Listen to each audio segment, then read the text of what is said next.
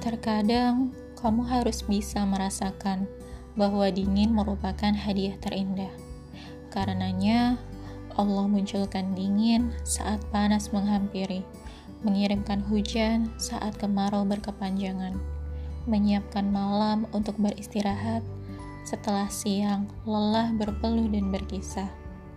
Allah juga ciptakan rindu untuk jarak di antara kita. Dan semoga Allah selalu menjagamu sementara kita belum bertemu.